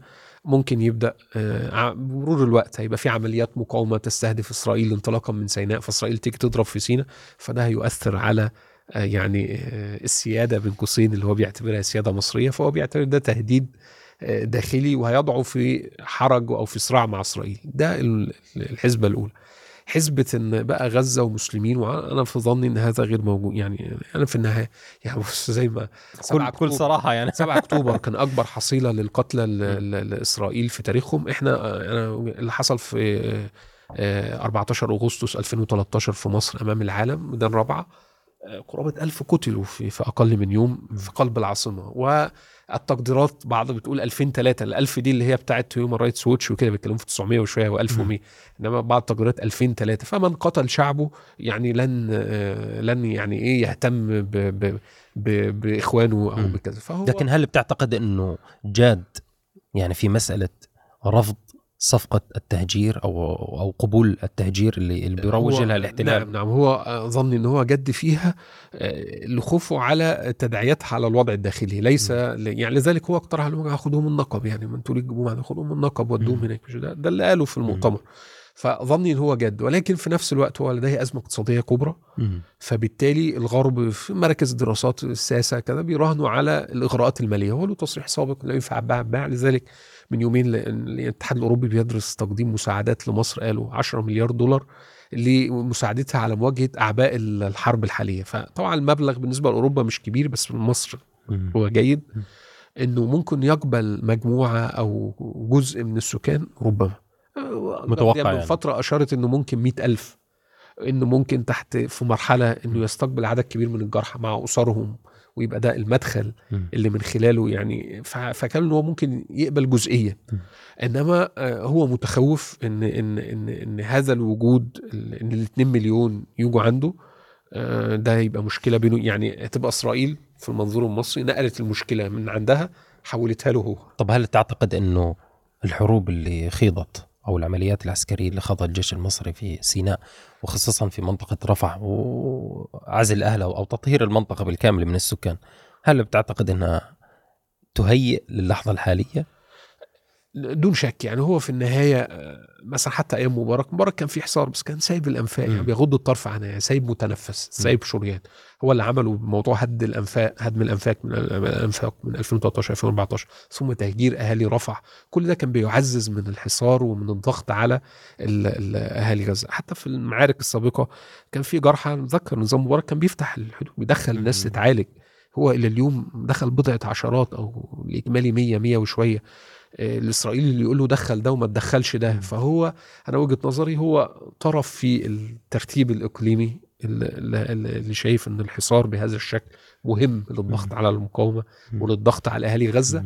إنما الخلاف هو في قضية التهجير يعني هو عايز يحاصر وع... لا لا أنا أقصد هنا أقصد يعني ما حدث في رفح المصرية يعني ليس فقط ليس فقط بالحصار. للتهجير نعم أنا أنا أنا ظني لا هو كان يعني طبعا دي قضية خلافية. هو كان بالضبط. ال- ال- يعني في بعض بيرى ده وجهة نظر ولها ولها معطيات.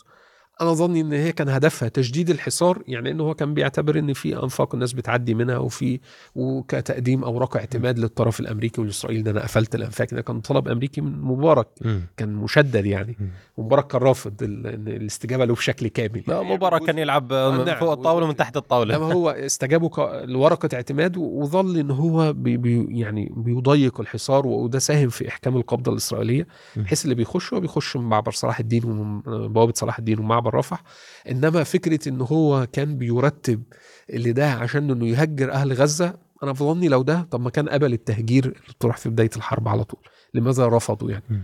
آه، البعض يقول إن هذا الرفض غرضه المساومة ورفع ال- المقاومه أنا أظن هو يعني في خوف حقيقي مم. من تداعيات ده إنها تتحول من مشكلة هو حسب توصيفه أو رؤيته أنا في النهاية مم. أنا مصري وفلسطيني يعني دي كلها حاجات شكلية مم. بالنسبة لي يعني إنها كلنا مسلمين وكلنا عرب إنما هو بيرى إن كده إسرائيل بتنقل له المشكلة لذلك هو رافض حاجتين رافض إن هو يبعت قوات مصرية لغزة. يعني ده المص... وول ستريت جورنال ذكرت ده إن هم رفضوا ويليام بيرنز طلب منه ده رفضه والأمر هو قالوا علنا إن هو رافض التهجير ويا جماعة ودوهم النقب ودوهم ما تجيبوليش يعني إيه المشكلة دي عندي. يعني. آه ممكن مع الفلوس موقفه يلين ممكن مم. طب القرارات الأمنية يعني نعم. خلينا نحكي في مصر نعم. لدى الأجهزة السيادية والجيش نعم. كيف تتخذ القرارات الأمنية في هكذا ظروف؟ إحنا في مصر الأساسي دائما هو الرئيس. يعني يعني الأجهزة لها قرارات ولها توصيات إنما الرئيس من 52 هو اللي بي هو اللي صاحب الكلمة. يعني يعني هذا الحالة مش لا تخص السيسي فقط؟ لا آه يعني اللي عمله السادات اللي بتقرأ مذكرات السادات القيادات العسكرية وزراء الخارجية في قضية طرده الخبراء الروس واتجاه زيارته للقدس وكذا في اتنين وزراء خارجية استقالوا. القيادات المستشار الأمن يعني السادات هو رأى شيء خد البلد كلها بدون ما يشاور حد ولا واللي مش عاجبه بيقيله وبيشيل. يعني الرجل الآن ماشي على نفس الكتالوج. فهم نمط نمط استبدادي فردي. آه الأجهزة بترفع. هو س- سبق له في بعض حوادث داخليه في مصر. كان الأجهزة مثلا أيام ما طلع أول محمد علي يتكلم عن القصور الرئاسيه وكذا هو طلع في كلمة قال الأجهزة قالت لي ما تتكلمش في ده. لا هتكلم. هم هذا اعطى النهاية ملمح هذه الاجهزه بترفع توصيات. إنما هو يعمل أو ما يعملش لأن إحنا في النهاية لسنا دولة مؤسسات يعني في مؤسسات موجودة بس هو القرار عند فرد الآخرين التوصيف الحقيقي سكرتاريا فقط. سكرتاريا عند الرئيس مم. واللي واللي واللي واللي, واللي بيخالف بيقيله ببساطة. خلصت خلصت يعني مم. فممكن إن الجيش يمانع في جزء أو يضغط أو يصيب كذا بس يعني ما شفناش أنا م- يعني من 52 ما شفتش إن الجيش فرض على الرئيس ما عدا دكتور مرسي ده كان حالة استثنائية يعني بيعتبروه من بره المنظومه يعني. إنما السادات خد البلد من جهة من روسيا وداها لأمريكا ما شفناش مؤسسة. اللي يقرأ على محاضر الاجتماع مذكرات الشاذلي إن اتكلم إن السادات قعد مع قيادات المجلس العسكري وقتها وطرح معهم فكرة الحرب وكذا وطردوا الخبراء الروس واعترض مش عارف قائد القوات البحرية وإيه والدفاع حاجة زي كده يعني. بس بعد البتاع عقلهم يعني. بس الباقيين سكتوا يعني. ففي النهاية آه، لأن هو رئيس من جوه المنظومة فهو متحكم يعني. في يعني ارتباطات وفي آه، أشياء وفي أمور بتخلي إن اللي يعني اللي موجود ده هو ماسك أشياء على الناس وفي مصالح وفي ارتباطات. ما يقدرش واحد يقول للرئيس لأ. لأ دي لها ثمن آه، داخل مصر يعني. فظني إن الأجهزة بتوصي حتى سد النهضة.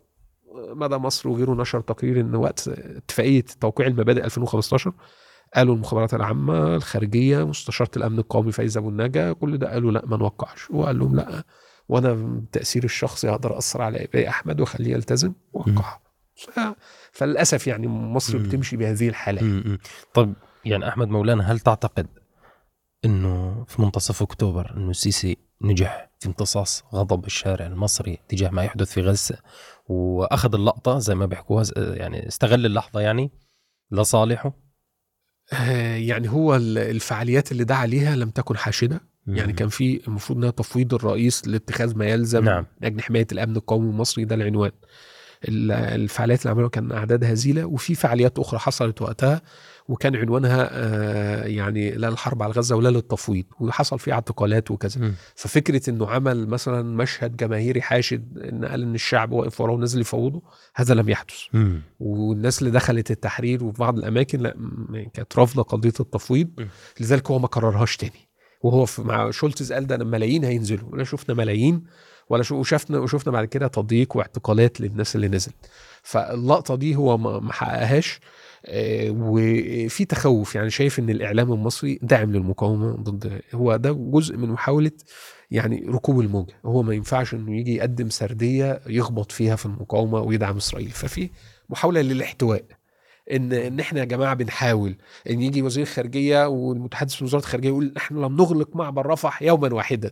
معبر رفح مفتوح من بداية الأزمة. لسه قايلين كده من يومين.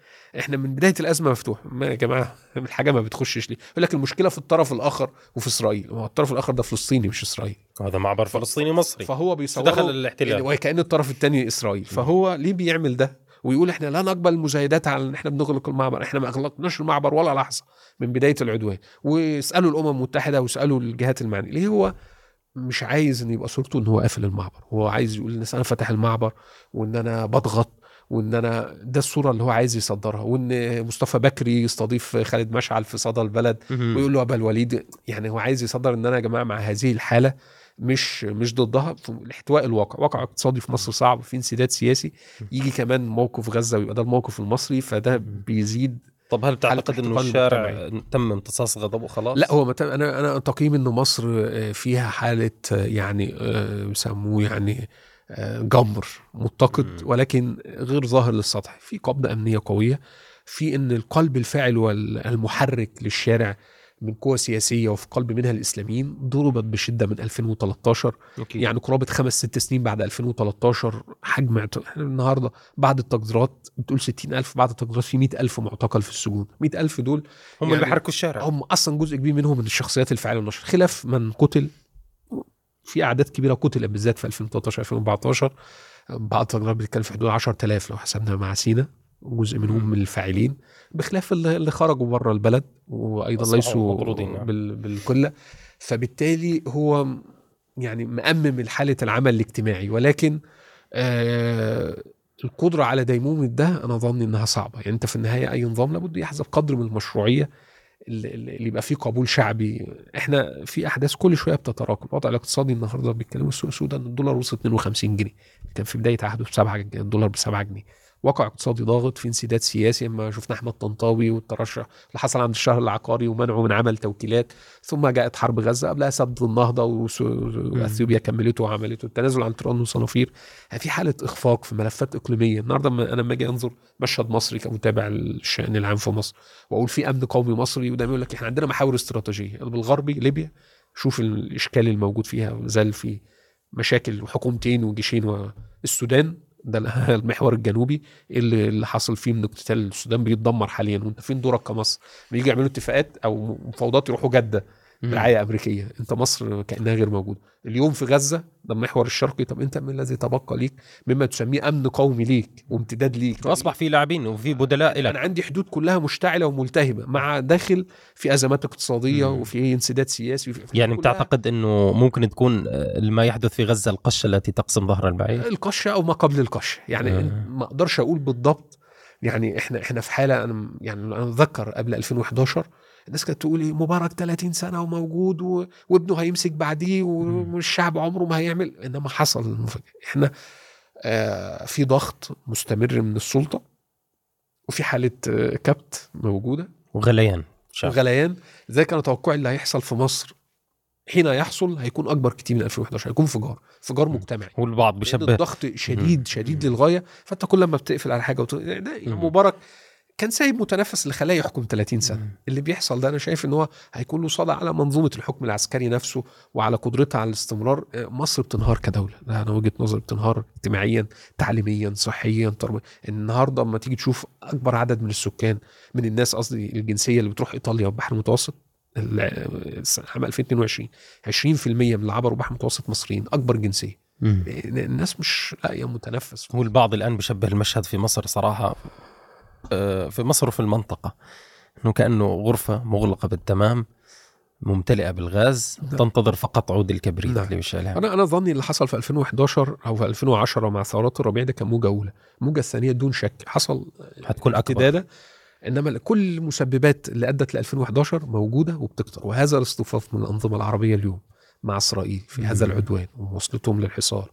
وهذا الدور الأمريكي أنا شايف إن ده صاعق آه، اتحط في. المنطقة مم. المنطقة لن تكون آه، كما كانت على مستوى الأجيال الشابة على مستوى إدراك للصراع وإن ثمن السكوت يعني مش مجرد اضرار اقتصادي يعني كل واحد بيشوف مجازر وبيشوف قتلى وبيشوف ما أنت بتشوف فيهم إخواتك وأبنائك يعني يعني قضية إن ده مصري وسوريا فيها وفلسطين فيها يا جماعة إحنا كعالم عربي وعالم إسلامي يعني في الأجيال ما عادش ينفع نتعايش مع ده يعني لابد إن إحنا نخرج من هذا الإذلال وهذه المهانة اللي هذه المنظومة أوجدتها لينا لا لابد إن إحنا نتحرر.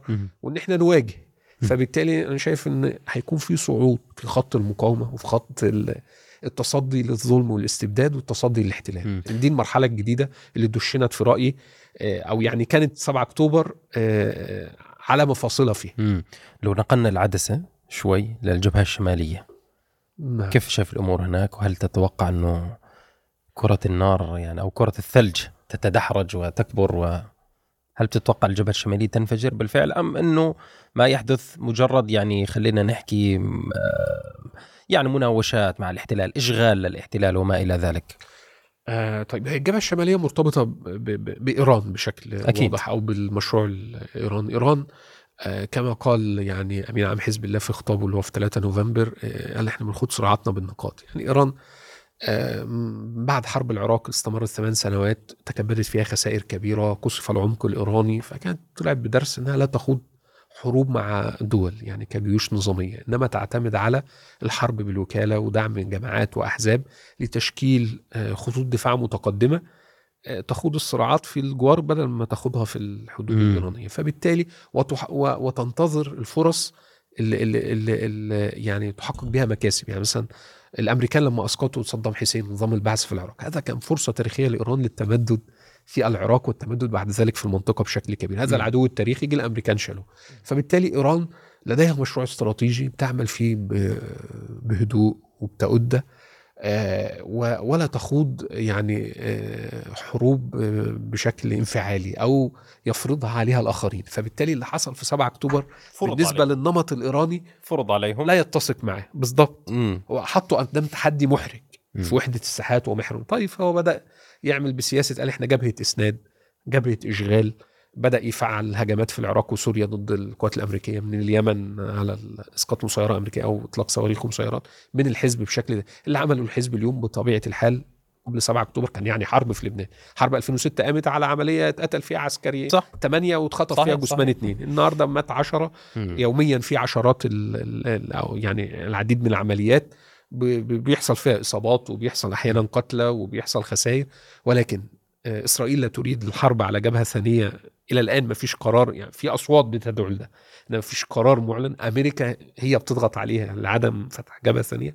إيران لا تريد جبهة ثانية الحزب لا يريد جبهة ثانية. ولكن كما ذكرت إن إن الأمور ديناميكية يعني أنت في النهاية يعني هي م- مش واحد زائد واحد يساوي اتنين. مم. يعني هو ال ال حسن نصر الله في خطابه قال أنا عندي آه، محددين محدد إن القضاء على المقاومة في غزة أو تطور الوضع الميداني في غزة أو استهداف مدنيين موسع. هو حط معادلة. آه، كل ما آه، هذه معادلة تنتهك وهو لا يأخذ خطوة هو بيخسر من رصيده. مش بس بيخسر من رصيده هو عارف إنه اليوم اليوم التالي بعد غزة بالضبط، هو راح يكون. الدور عليه. إن الإسرائيلي إذا انتهى من هذه المعركة وحقق أهدافه نسال الله عز وجل أن تتحقق راح هيكون يتم الدور الثاني بدون شك.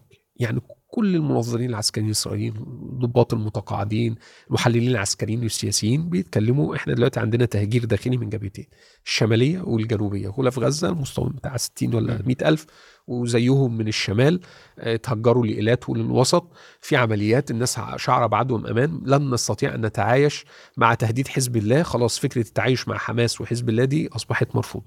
فبالتالي هو اليوم يعني رأسه على المحك رأس حسن رأس حزب الله على المحك. فيا اما هو يعني يوسعها مختارا أو إيران توسع الإطار في العراق وفي سوريا وفي المنطقة اختيارا أو هي ستجبر عليها في مرحلة ما وقتها يكون إسرائيل اللي اختار الميعاد والامريكي ووقتها هيكون معاهم زمام المبادرة. إحنا حاليا في حالة اضطراب موجود. هما لم يكونوا مستعدين للمعركة. إنما لو بعد ست شهور أو سنة بعض الاسرائيليين بيقولوا إحنا ممكن. خلال ست شهور أو سنة نعمل ال... نرتب اوراقنا نرتب الأوراق الحرب على على على توجيه ضربة استباقية للحزب يعني. ف... فهي قضية وقت. أنا إذا الحزب أنت شو توقعاتك الشخصية؟ والله أنا أنا لا أستطيع أن أجزم يعني. مم. أنا في النهاية لو بحط نفسي يعني يعني دايما بيبقى في حزب عقلانية وحزب غير عقلانية. آه. الحزبه العقلانية هي قايمة على آه، إن كل الأطراف بت- بتتصرف بالشكل الهادئ.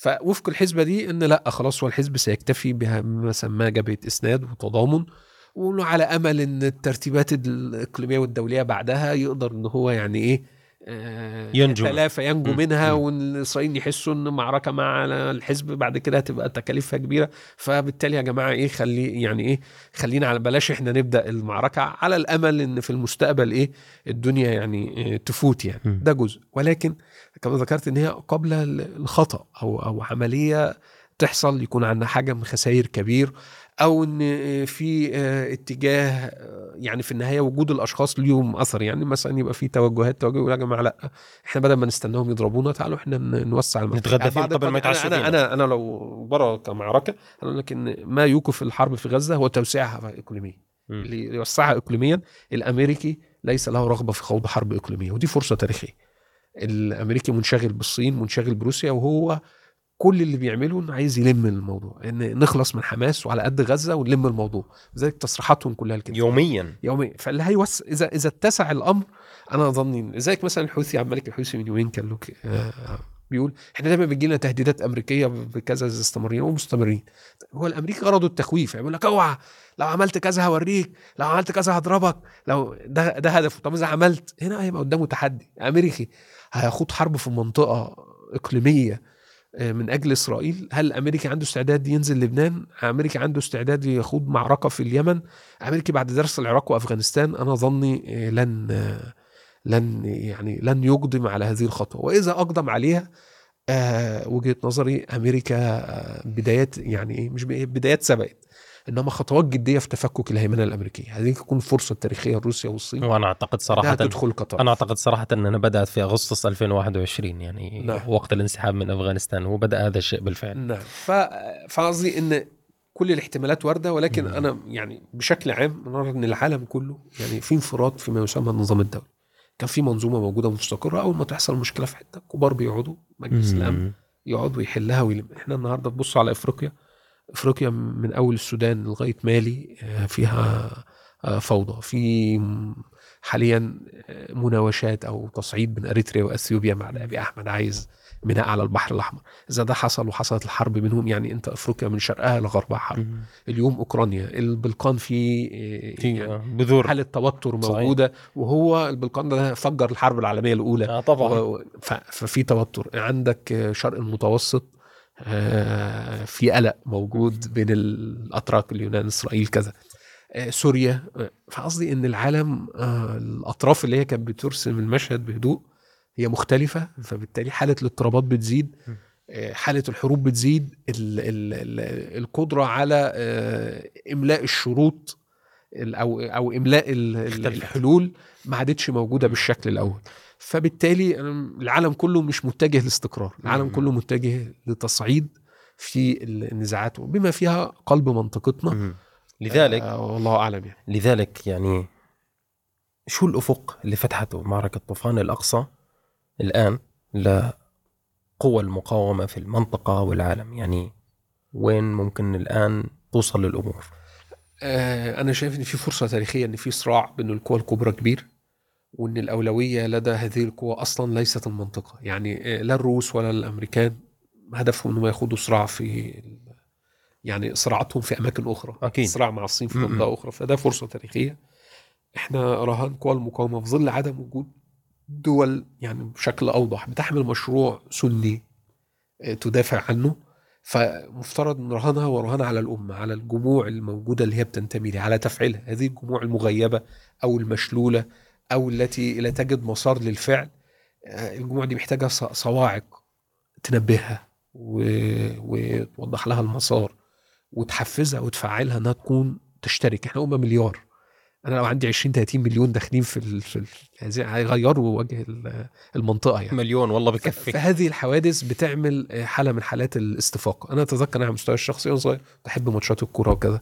بدأ اهتمام بالشأن العام في 96 مع مجزرة القاهرة. لسه صغير بشوف التلفزيون في لبنان اتضربت في نقطة تحول. صارت في آه وبعدين أشوف جيش لبنان الجنوبي وأنطوان لحد. مين إيه جيش لبنان الجنوبي مع إسرائيل؟ طب ده منظمة التحرير مؤتمر شرم الشيخ. جيت عمل في مصر وجي كلينتون ويلسن عشان في حماس كانت عملت عمليات انتقاما ليحيى عياش في فبراير ومارس 96 طب ليه السلطة؟ ليه عرفات والمفروض مناضل مع إسرائيل ومع فبدأ الواحد يتشكل اهتمامه من أنت بتشوف في التلفزيون تسمع فيه كذا. فبدأت عايز أفهم. بدأ بمرور الوقت خلاص ما عادش لا كورة ولا بتاع. بدأت تتوجه لهذه القضية. في قضايا كبرى تحتاج ال- النهارده أي واحد بيتفرج في بيتابع تشوف في المقاهي الناس شباب تجيب كلمة أبو عبيدة أفراح شعبية في كذا. يعني تحويل دي لقضية في استفاقه مرعبه نعم. في المقاهي في, في النهارده أنا قبل ما أجي يقول لك إيه اللي التيك توك في أمريكا إيه ال- إيه الحديث ال- النهارده اللي بيقولوا عليه اليوم؟ رسالة آه، رسالة إلى أمريكا. آه رسالة إلى أمريكا اللي هي آه، ده فين؟ ده في أمريكا مش في العالم العربي اللي الناس مهتمية بيها اللي زعيم القاعدة وجهها. فأنت هذا الحدث بيعيد إحياء ملفات مسكوت عنها بيعيد إحياء قضايا تبقى حاضرة لدى الناس. وبالتالي آه، تأثيره ضخم تأثيره جدا على ال- الأمة وتأثيره حتى على هنقول اللي هنسميهم الإيه الناس المغيبة في أماكن أخرى. مظاهرات يقول لك في بريطانيا اللي كانت من كام يوم الشرطة بتقول 300000 المنظمين يقولوا 800000 الناس بيحكوا مليون قام راجل بعدها أقر وزاره الداخلية عشان كانت بتهاجمها. في هيبقى في تغيير في المعادلة الموجودة. بشكل كبير. وإحنا فيما يخص أمتنا تفعيل هذه القطاعات تنبيهها يا جماعة إحنا عايشين لقضية ولصراع وإن هؤلاء متكلبين علينا وهؤلاء من الشرق والغرب يريدوا استباحة أمتنا وإن إحنا لابد نوقف ده ويكون لنا دور. النهارده ألاقي مثلا شباب يقول لك إحنا ممكن نعمل إيه؟ يعني شباب ما كانش مهتم بالشأن العام. أكيد. إحنا إيه الشيء اللي إحنا ممكن نقدمه؟ إيه الشيء؟ ده تغير مهم. ان ان ان إن شباب كان مشغول بقضايا ثانويه. يصبح هي قضية فلسطين، إيه اللي ممكن نعمله لفلسطين؟ إيه اللي ممكن نقدمه؟ إيه اللي تشوف في الأردن الشباب اللي بيدعوا الوقفات وتضاد إحياء هذه ال- ال- القضية في نفوس الناس وقضية فلسطين هي قضية مجمع عليها. يعني إحنا الرايات فيها واضحة بالضبط أنا لما هاجي أقول مثلا مع مع الثورة في مصر في سوريا. اللي يجي يقول لك ده محور مش عارف مقاومة ضد المحور الأمريكي. ده في أطراف بتريد تفتيت المنطقة. الأمور مش واضحة نعم. رغم يعني كل الردود على في ناس مش فاهمة في. إنما قضية فلسطين قضية واضحة لا جدال فيها لا في العالم العربي والإسلامي. والاصطفافات فيها هتكون واضحة. اللي خلاص راح يصطف مع الإسرائيلي والامركي اختار مكانه. أكيد. تمام؟ و- و- وقضية حتى هتتجاوز الوضع الطائفي في عالمنا ال ال ال الإسلامي اللي هو كان خط صدع فيه صراعات كثيرة خلال المدن السابقة. يا جماعة ده احتلال صهيوني يهودي بتواطؤ غربي لازم يبقى لنا دور. آه، قضية آه، الناس لديها استعداد إنها تستشهد من أجلها. فده أنا شايفه يعني مفتاح آه، صراع كبير.